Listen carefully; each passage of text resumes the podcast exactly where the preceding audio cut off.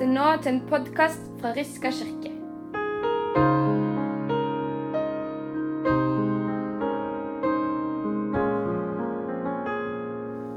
Dette hellige evangeliet står skrevet hos evangelisten Johannes i kapittel 21.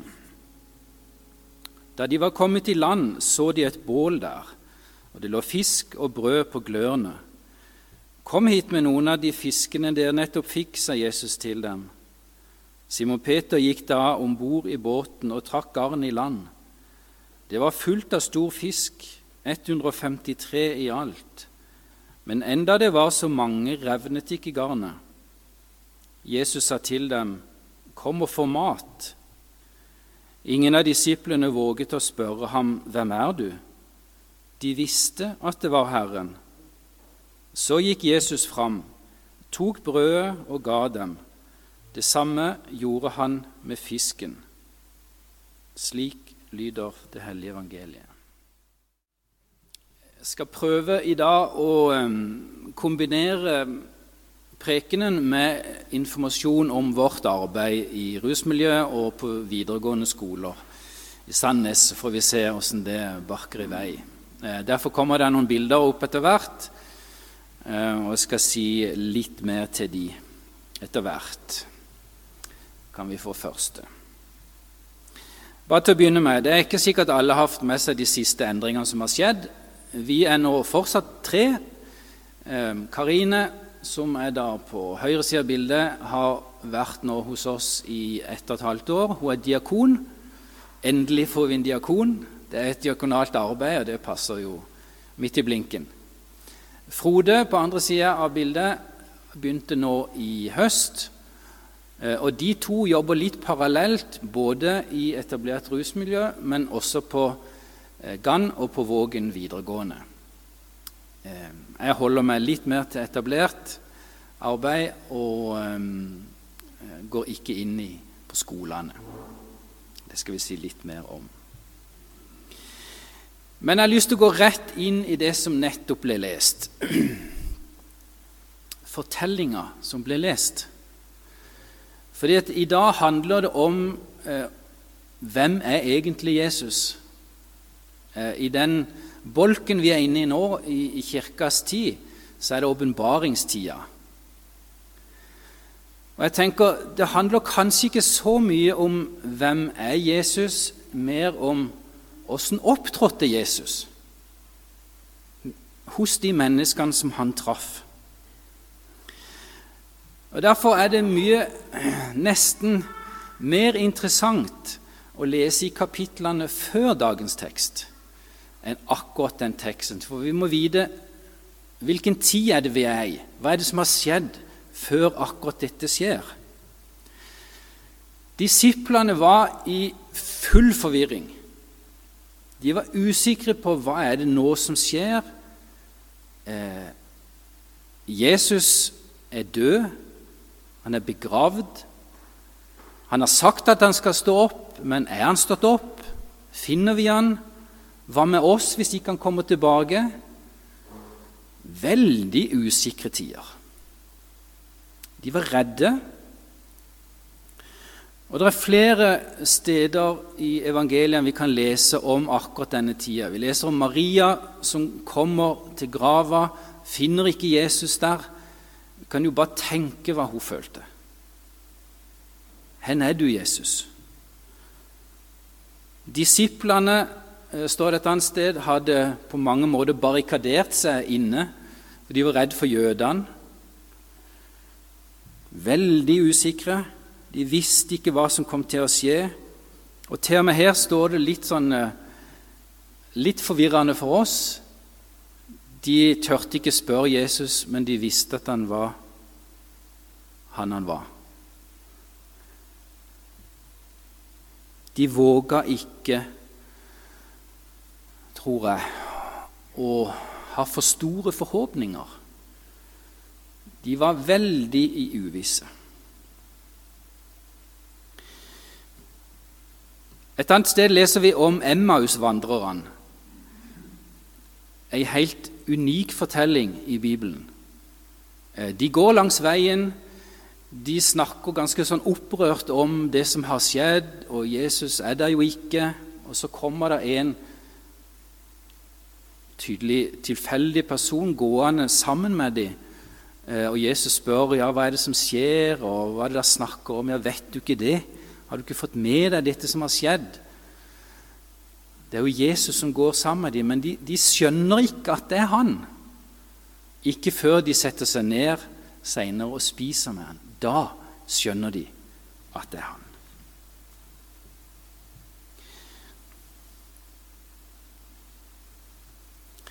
Vi kan få et nytt bilde. Det viktige i dette, tenker jeg, det er hva er det Jesus gjør? Når disiplene er i full oppløsning Jo, han oppsøker de. Han kommer til de. På Emmausruta, ved Tiberiasjøen, ved grava, så viser han seg for de. Han skjønner hvor viktig det er. Han skjønner hvor viktig det er for at disiplene i det hele tatt skal kunne ha ei tro. I det hele tatt kunne tørre å leve som kristne. Og det er på mange måter denne modellen vi har prøvd å ta inn i vårt arbeid. For å få folk i tale, for å vise at vi bryr oss, så må vi jo nødvendigvis oppsøke mennesker der de er. Og Det er derfor eh, Karine har lagd denne fine powerpointen som viser noe om det. Vi er til stede i byen, vi er på ruten, vi er på benken, eh, og vi er på hjemmebesøk. Det er jo for å vise at kirka vår, menighetene våre, troa vår, den er også tiltenkt alle. Også de som sliter med rus, som har utfordringer i livet, og som ikke helt vet veien videre. Det Jesus gjør, tenker jeg, det er at han skaper noen trygge rom i det som er veldig utrygt for disiplene på den tida og for oss i dag. Vår agenda som, som byprester det er at vi skal være til stede i menneskers liv med det de har av utfordringer og gleder. Men vi er ikke Nav, vi er ikke kommune, vi er ikke politi. Eh, vi har ikke noe ris bak speilet. Vi representerer ikke boligkontoret eller noen andre. Vi representerer Kirka. Vi prøver å vise i ord og handling hvem Jesus er. Kall det gjerne å åpenbare Eh, Jesus eh, i menneskers liv. Vi prøver å skape relasjoner, og de langsiktige relasjonene er viktige, tenker vi. Det å bli kjent, eh, få tillit, gi tillit til de, være til stede i det som ofte er veldig, veldig komplisert og vanskelig. Vi kan få et bilde til.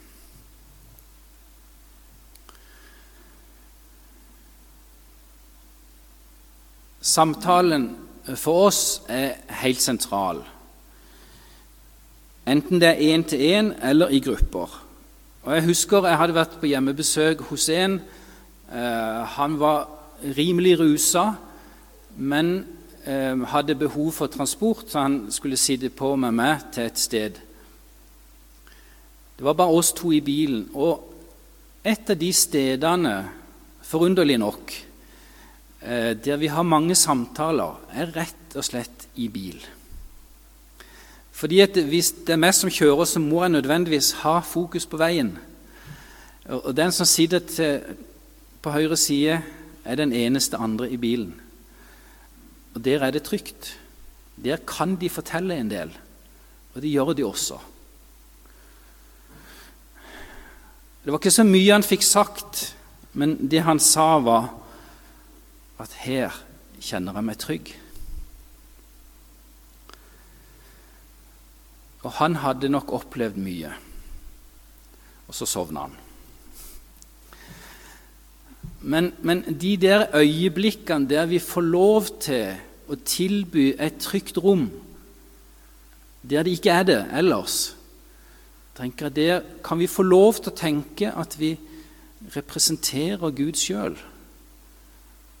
Vi får være med og bringe videre noe av den tryggheten som han formidla til sine disipler, der, de, der det var vondt å leve, der det var usikker fremtid. Frode, vår nye kollega, han, han, gjorde noe veldig spennende til å begynne med. Han satte seg rett og slett på et av kjøpesentrene i byen sammen med en av våre brukere og leste i Bibelen. Det hadde vi aldri gjort før. Så som Pippi sier, det har vi aldri gjort før, så det, det går sikkert bra. Eh, men det var en spennende eh, sånn nyskapning. Eh, og det førte også til at de to etter hvert starta ei alfagruppe. Og det har vi jo ofte hatt i menigheter rundt forbi. Men vi har aldri hatt det. Og nå er de to og tre deltakere der, der de får gå gjennom litt hvem er denne Jesus, hva er troa vår, hvordan kan vi leve den? Spennende å se hvordan det kan utvikle seg. Karina og meg vi har også ei, ei, samtalegruppe der vi rett og slett kaller det 'Snakk om livet'.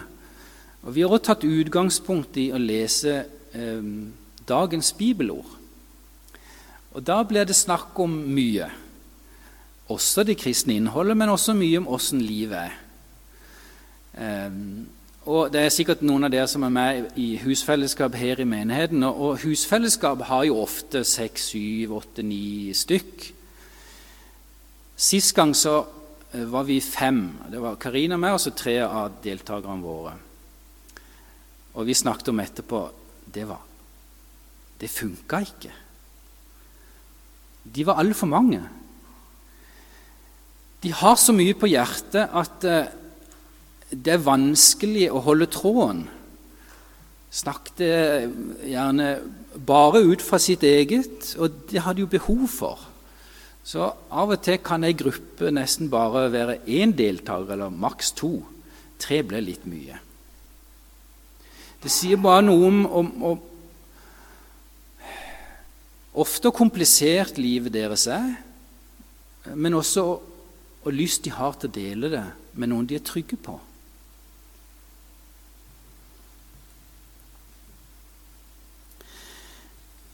En annen interessant sak som, som, flere av våre sier, det er at den troa de har For det er mange som har tro. Mange som lever med ei tro selv om de ruser seg.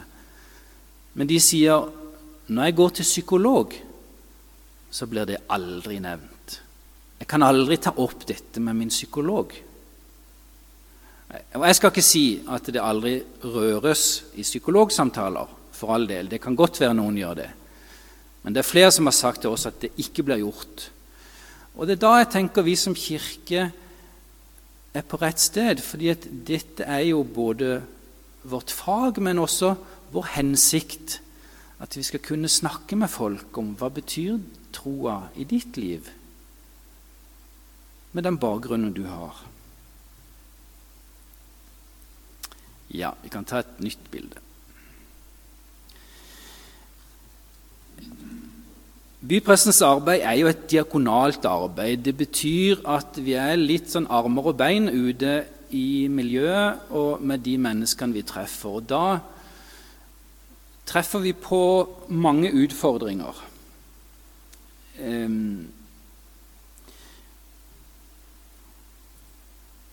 Vi skal være med og si at du er ikke glemt. Vi ser det, og vi hører det, og vi vil det vel. Jesus lindra disiplenes smerte. Og det er jo noe av det vi prøver. Å lindre smerte ved å være til stede og kunne gjøre noe. Og Da har vi to biler, og vi har en tilhenger, og vi kan hjelpe til med den flyttinga som er så komplisert og så vanskelig.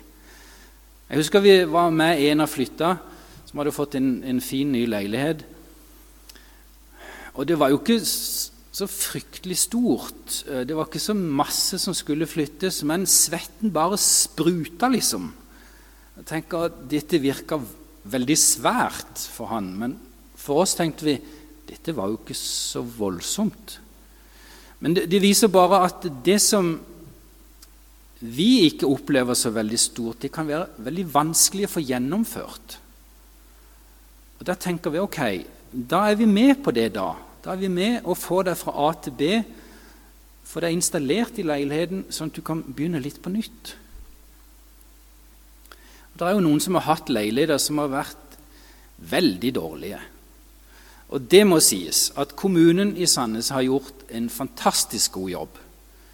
Eh, de har jobba enormt iherdig med å få på plass nok kommunale boliger men vi har sett det i det siste at behovet har økt så mye at de klarer ikke tilby til alle. Og Det vet også brukerne våre, at de som kommer først i køen for bolig, det er barnefamiliene. Men det betyr jo også at våre folk blir pressa litt lenger ned i køen. Og det er jo ikke godt. Det oppleves ikke godt. Men, men de skjønner at sånn er det. Og Det med å være til stede og kunne tilby praktisk hjelp det fikk jeg et godt eksempel på her. En dag eh, igjen kjørte med en av våre, det var bare oss to i bilen. Så sier han til meg, 'Øyvind, du må huske det, at jeg kjenner jo ingen utenfor miljøet.' Alle hans venner og kjenninger de var i rusmiljøet. Sant? Sånn at vår rolle blir å være å ha en kontakt med, med samfunnet utenfor på en måte. Å kunne være til hjelp, kunne være litt oljemaskineriet og få det til å gli litt bedre.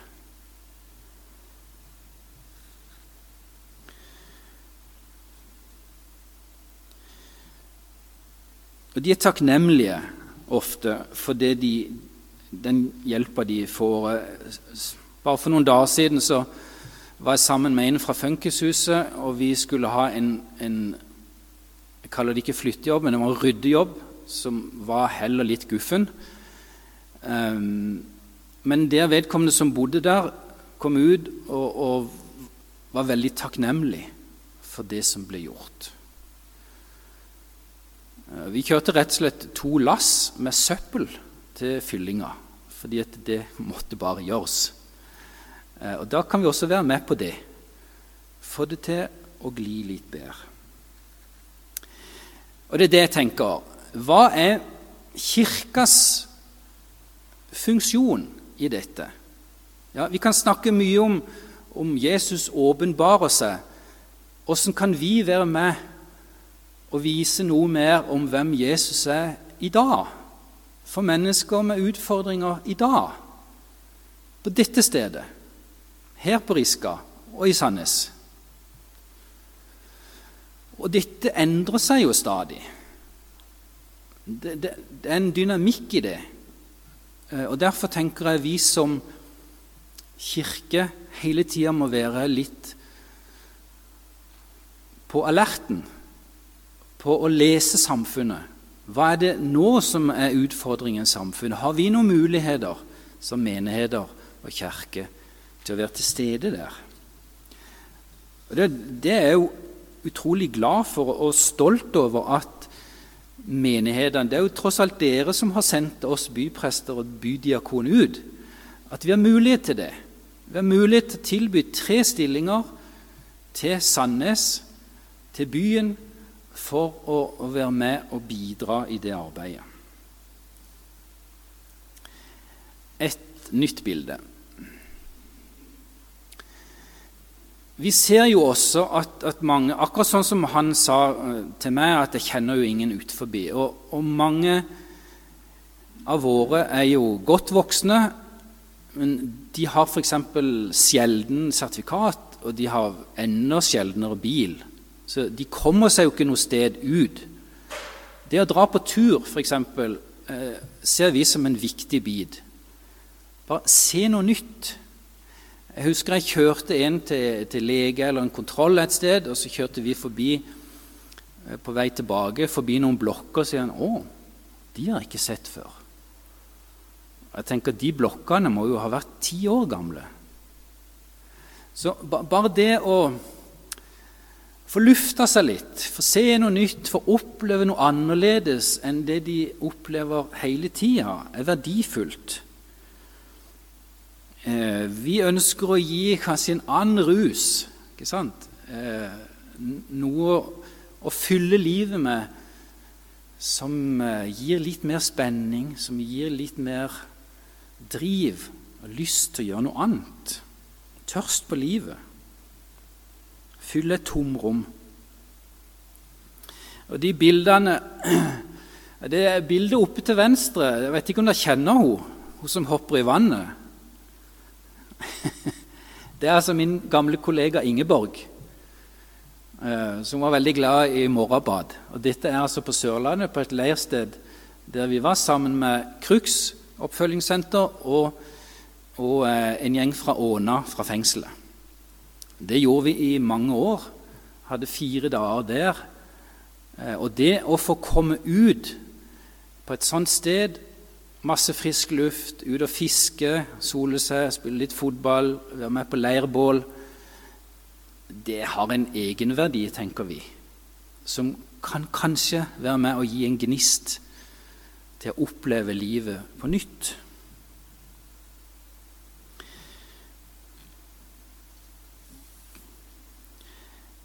Et bilde til.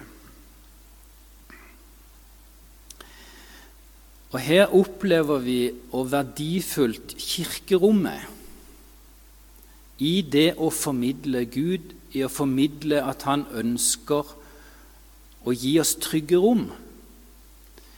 Det å kunne invitere til hverdagsmesse, som vi har hver onsdag, eh, der de får sette seg ned, få høre litt musikk, få tenne lys sammen med andre, ha en kort andakt, dele nattverd sammen.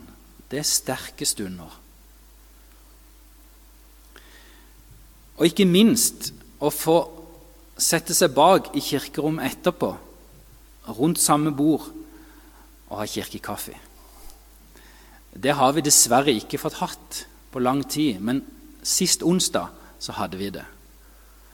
Og Jeg lo litt for meg sjøl, for jeg tenkte Når jeg bare hørte litt på summinga, kaklinga rundt bordet, så tenkte jeg dette er akkurat som en syforening. og Jeg har gode minner på syforening, for min mor hadde syforening. Og det, det, er noe sånn varmt og godt med det, eh, der de får snakke sammen, drikke kaffe, spise den kringla. Eh, de enkle, men viktige gledene, tenker jeg.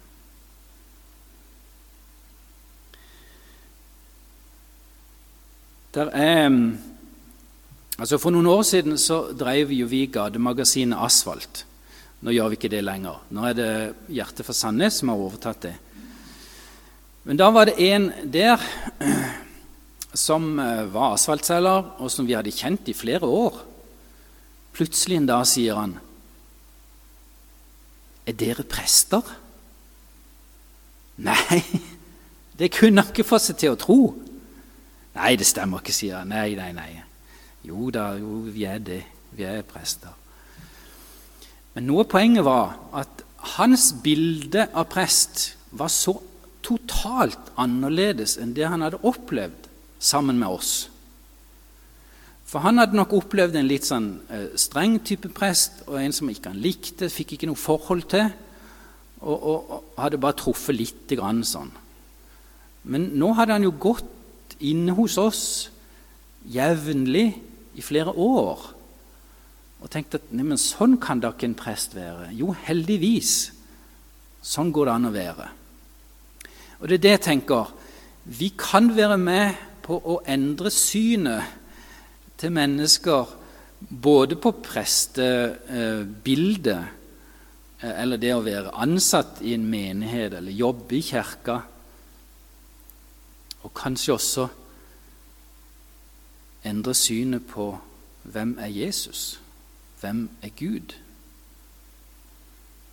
Er dette noe for meg? Kan det faktisk være sånn at den kristne tro kan også jeg ha?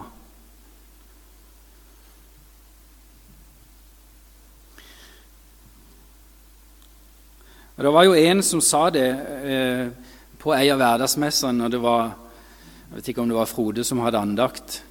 Eh, så sier brukeren etterpå eh, Er Jesus Gud? Nei, det, det var nytt for han. Ja, det er faktisk sånn. Jesus er Gud. Så åpenbaringstida, den er ganske spennende hos oss. Fordi at stadig vekk så kan de se noe nytt, lære noe nytt, kjenne noe nytt på kroppen. Det siste bildet.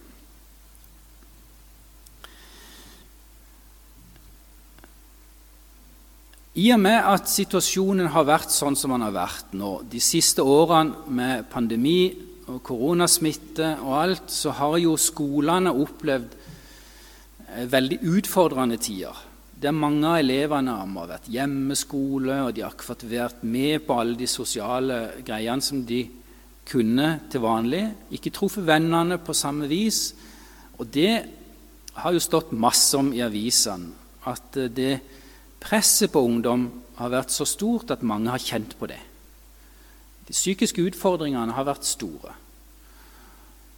Og eh, I samtale med Vågen videregående til å begynne med, så eh, sa ledelsen til oss at elevene sjøl sier vi trenger trygge voksne å snakke med. Det betydde ikke at ikke de kunne snakke med lærerne eller noen andre. Men lærerne og helsesykepleiere og alle de var veldig travle. Og ikke minst, de hadde ei helt annen rolle enn det elevene ønska. Elevene ønska en samtale uten journal. Og her kunne vi plutselig komme inn. Fordi Vågen kjente jo oss liksom nesten i 20 år med nærværforestillingene. Vi hadde vært på skolen og fortalt om arbeidet. Jeg tror skolen var litt trygge på oss. Tenkte at ok, disse kan også gå inn og samtale med elevene. Og Sånn begynte det. Eh, Gann videregående hengte seg også på, sånn at nå er det de to skolene som Karin og Frode oppsøker jevnlig. Eh, har samtaler med elever, samarbeider med miljøteam. Eh, helsesykepleier sier der at de har lange ventelister på elever som ønsker å komme inn. Og det å si til elever at nei, du må vente kanskje to-tre uker Ja, men det er nå det brenner. Og da kan vi si ja, men vi kan komme. Vi kan ta en prat. Og, og det lille jeg har fått høre av det som er blitt snakket om, viser at det er ganske komplekse livsutfordringer mange unge mennesker har.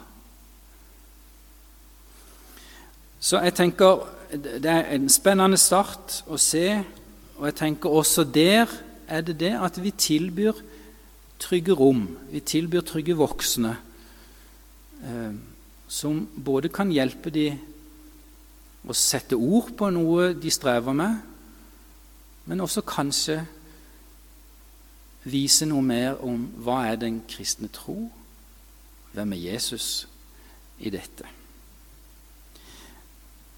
Nå sier vi ikke at de samtalene på videregående eh, har det fokuset at vi skal formidle tro, fordi at alle skal kunne snakke med Karine og Frode. Men hvis det blir brakt på banen, så er vi jo Kirkas representanter.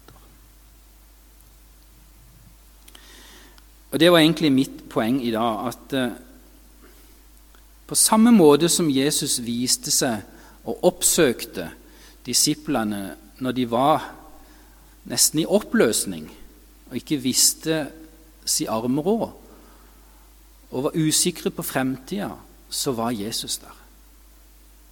Han trygga de og sier at 'jeg er her', 'jeg ser der', 'jeg hører der'. Og det er vel kanskje òg vår oppgave som kirke og som menighet, og som enkeltmennesker. Både at vi kan kjenne på det sjøl, at Jesus er der for meg i min livssituasjon, med det jeg måtte streve med, og at vi igjen kan få gi videre av det til andre. Og Det hadde jo dere, Eva, et godt eksempel på her. Var det du og diakonen som hadde et tiltak der eh, folk kunne ringe inn, var det ikke det? Når det var ja, Det hadde noe på hjemmesida. Hele staben hadde Ja, jeg, sånn- Jeg skal ikke ta æren for det. Initiativet kom ikke fra meg. Men, Nei, nei, nei, men- men hele staben var med på det, ja. Jo, men, men sant, det er jo akkurat det å, å, å gripe en utfordring som er der, og si at ja, men eh, vi som menighet, vi, vi kan òg være med på det. Hvis de vil bruke oss. Jeg har lyst til å avslutte med en bønn som vi hver gang bruker på hverdagsmessa vår.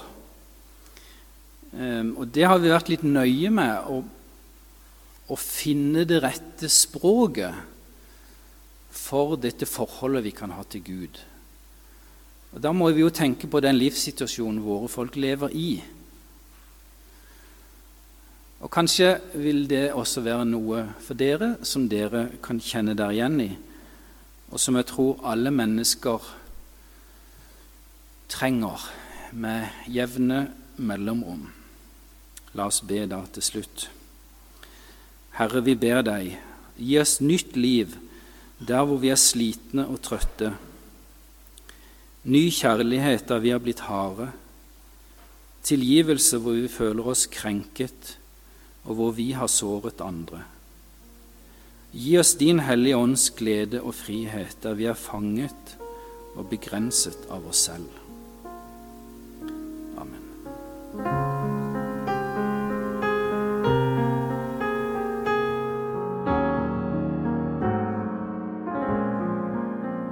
Har lytta til en podkast fra Riska kirke.